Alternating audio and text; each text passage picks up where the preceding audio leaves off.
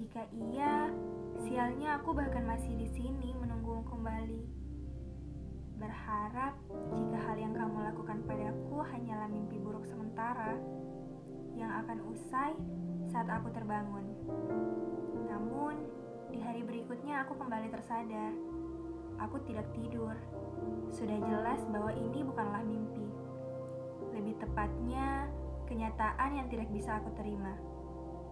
Pada akhirnya, kamu justru memilih dia, padahal aku yang sejak lama berjuang, tapi tidak pernah kamu beri kepastian. Kalau memang tidak ada niat bersama, kenapa tidak bilang dari awal saja? Supaya setidaknya aku bisa mengantisipasi kekecewaan yang berujung pada sakit hati mendalam. Apa perasaanku ini hanya sekedar mainan untukmu?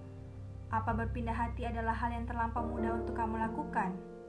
Bahagia sekali ya jadi dia. Hanya diam, tidak melakukan apa-apa, tapi berhasil merebutmu dari genggamanku. Aku sudah salah mengira kalau diriku berharga di hidupmu.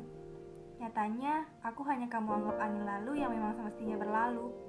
Tidak apa-apa, mungkin hadirmu memang hanya bisa jadi pelajaran untukku ke depannya.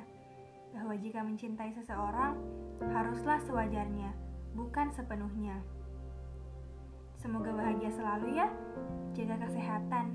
Bilang padanya agar jangan menyakitimu.